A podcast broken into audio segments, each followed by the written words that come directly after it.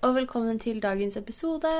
I dag skal vi snakke litt om våre erfaringer rundt meditasjon. Ja, og i den forbindelse så har vi skrevet ned tre punkter, eller tre tips, til hvordan du kan få en mer mindful hverdag. Ja. Dette er ting vi tenker man kan gjøre hvor som helst og når som helst. Ja. Når du sitter og venter på bussen, når du er på vei til jobb, når du spiser frokost. Mm, for det, det å, å ha en meditasjonspraksis handler jo om å sette seg ned på et eh, komfortabelt sted i så og så lang tid, og så mediterer man hver dag. Men det å også bli litt bevisst de verktøyene eller ba, hvordan man går inn i meditasjonspraksis, da, tror vi er viktig. Og har gjort oss noen erfaringer på hvor viktig det er. Eh, og at et fint sted å starte også er å bli litt bevisst ting i hverdagen. Før man eventuelt skal sette seg ned og bare sitter der med tanken og lurer på hvordan man gjør det. Ja, ikke sant? Så ja. Eh, nummer én dropp støyet. Ja. Um, vi blir jo utsatt for veldig mange inntrykk hver eneste dag. Hvert eneste sekund, nesten. Ehm, og med det så mener vi egentlig å bare redusere det støyet. eh, som f.eks. er å høre på en podkast eller høre på musikk. Se på Instagram. eh, Lese nettaviser, se på serier. eh, ting man gjør istedenfor å sitte i ro. Mm. For vi tror det er veldig verdifullt å bli oppmerksom på hva som dukker opp når man sitter i ro. Eh, Om, ja, og om man f.eks. drikker morgenkaffen i ro, går på vei til bussen uten å høre på det du pleier å høre på. Og det er viktig å si at vi mener ikke at du aldri skal høre på det du liker å høre på, eller se på noe. Nei. Altså Scroll gjennom Instagram hvis det er fristedet ditt, og du Mm. henter inspirasjon. Men det er jo verdifullt å bli litt bevisst hvor mye man gjør av ting. Ja. Og i den tiden vi lever i nå, med alle de inntrykkene man har gjennom sosiale medier, og alt som skjer, så sier det seg jo selv at, hvis man, at det kan bli overveldende mye. ja, det og kan hvis det. man i tillegg føler seg stressa med gjøremål og ting man skal gjøre, og du på en måte ser på det som en eller annen sånn plikt at jeg må også øh, øh, komme meg gjennom alle disse feedene liksom, du skal gjennom i løpet av dag, da. Så da Ja.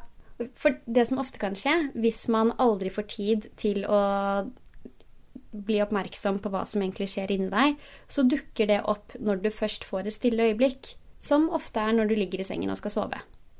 Og det kan jo bli veldig stressende ja. hvis du ikke har tenkt til å vie oppmerksomhet til det akkurat da. Mm. Um, ja. Så det er Ja. Og kort oppsummert, få, få Eller ta deg tid til de stille stundene i løpet av dagen. Og, og innse at du har jo Det er ditt valg, da. Hvor mye inntrykk du ønsker å ha i løpet av en dag. Og det er helt greit å slette noen apper eller droppe å høre på musikk på trikken eller uansett hva det er, da. Fordi det er jo stimuli som går inn. Em, så ja.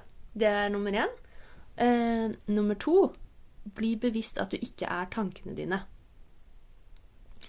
Og Dette er et veldig sånn uh, viktig utgangspunkt, og som vi har erfart ble viktig for oss i vår eh, prosess med, med dette. Og det var også noe vi, i hvert fall jeg, fikk veldig øynene opp for når jeg leste The Power of Now av Eckhart Tolle, eh, som vi har anbefalt eh, mange ganger.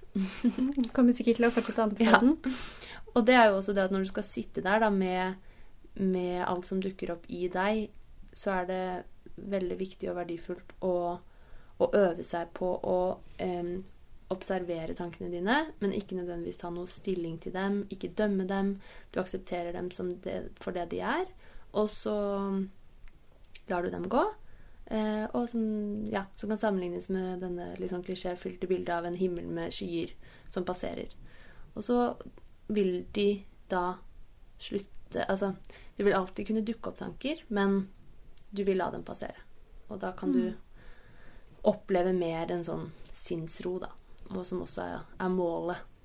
Mm. Og kanskje man kan eh, praktisere, det, praktisere det når man sitter i ro, f.eks. Mm. Det blir ikke så skummelt å sitte og tenke. Nei. Og da er vi over på punkt tre, em, som henger sammen da Nå har vi vært inne på tanker, og så er vi over til kropp. Eh, vær bevisst reaksjoner i kroppen. Mm.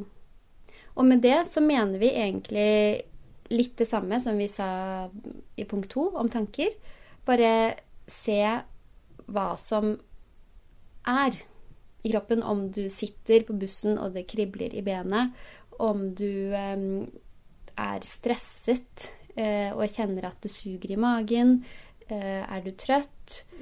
Og at man øver seg på å være i kroppen og, og la oppmerksomheten gå til kroppen. Og med en gang den går til kroppen, så går den også litt mer vekk fra hodet og tanker. Og finne dette pusteankeret i magen. Mm. Og man da fokuserer på pusten. Eh, og gjør de tingene vi har sagt nå, så vil man kunne oppleve at eh, At oppmerksomheten din går der den skal, da. Mm. Og, og så hjelper det veldig å tenke at det som dukker opp, det er verken negativt eller positivt. Det er helt nøytralt. Det bare er der. Og det er akkurat som det skal være. Bare akseptere at det er som det skal. Og at det er hele prosessen. Og at det er en grunn til at folk eh, må øve. Det er en grunn til at man gjør det så mye eh, for å bli bedre og bedre kjent med seg selv, som er målet. Mm. Eh, Eller at du Målet er å være til stede. Og ved å være Ja. til stede blir du bedre kjent med deg selv. mm. Bra, er Takka jeg. Eh, ja. Jeg og Ville var jo på en eh, Vår rekord er to og en halv timers meditasjon, Ja. som vi var på. Jeg syns det Um, var så hardt. ja, I en yogatime en gang. Uh, det, det var en utfordring vi tok på strak arm. Mm. Men kom ut av den med ja, litt forskjellig Eller i hvert fall en, stor eh, erfaring rikere. Mm, Det er veldig interessant eh, å snakke om hvor forskjellig vi opplevde det, Mm. egentlig. Ja. Fordi jeg satt der og slet veldig med sånn det klassiske problemet, føler jeg mange støter på når de prøver å meditere, at jeg følte at jeg ikke fikk det til. Så jeg, jeg satt der i to og en halv time og var superutålmodig og stresset over at jeg ikke klarte å meditere. Og med det så var det jo umulig for meg å gjøre det. Mm. Um, men så kjente vi på slutten, og da, da begynte jeg å gråte. Ja. Så jeg var gjennom en eller annen prosess, Mm. selv om jeg følte at Mm. det ikke gikk. Mm. Men du opplevde det jo litt annerledes. Ja, jeg, jeg opplevde i hvert fall at, at jeg mistet liksom tidskonseptet. Så jeg satt Mm. ikke der og tenkte 'hvor lenge er det igjen', men det var litt mer sånn plutselig sånn 'oi, hvor lang tid har det gått nå?' Og så, og så begynte de å runde av.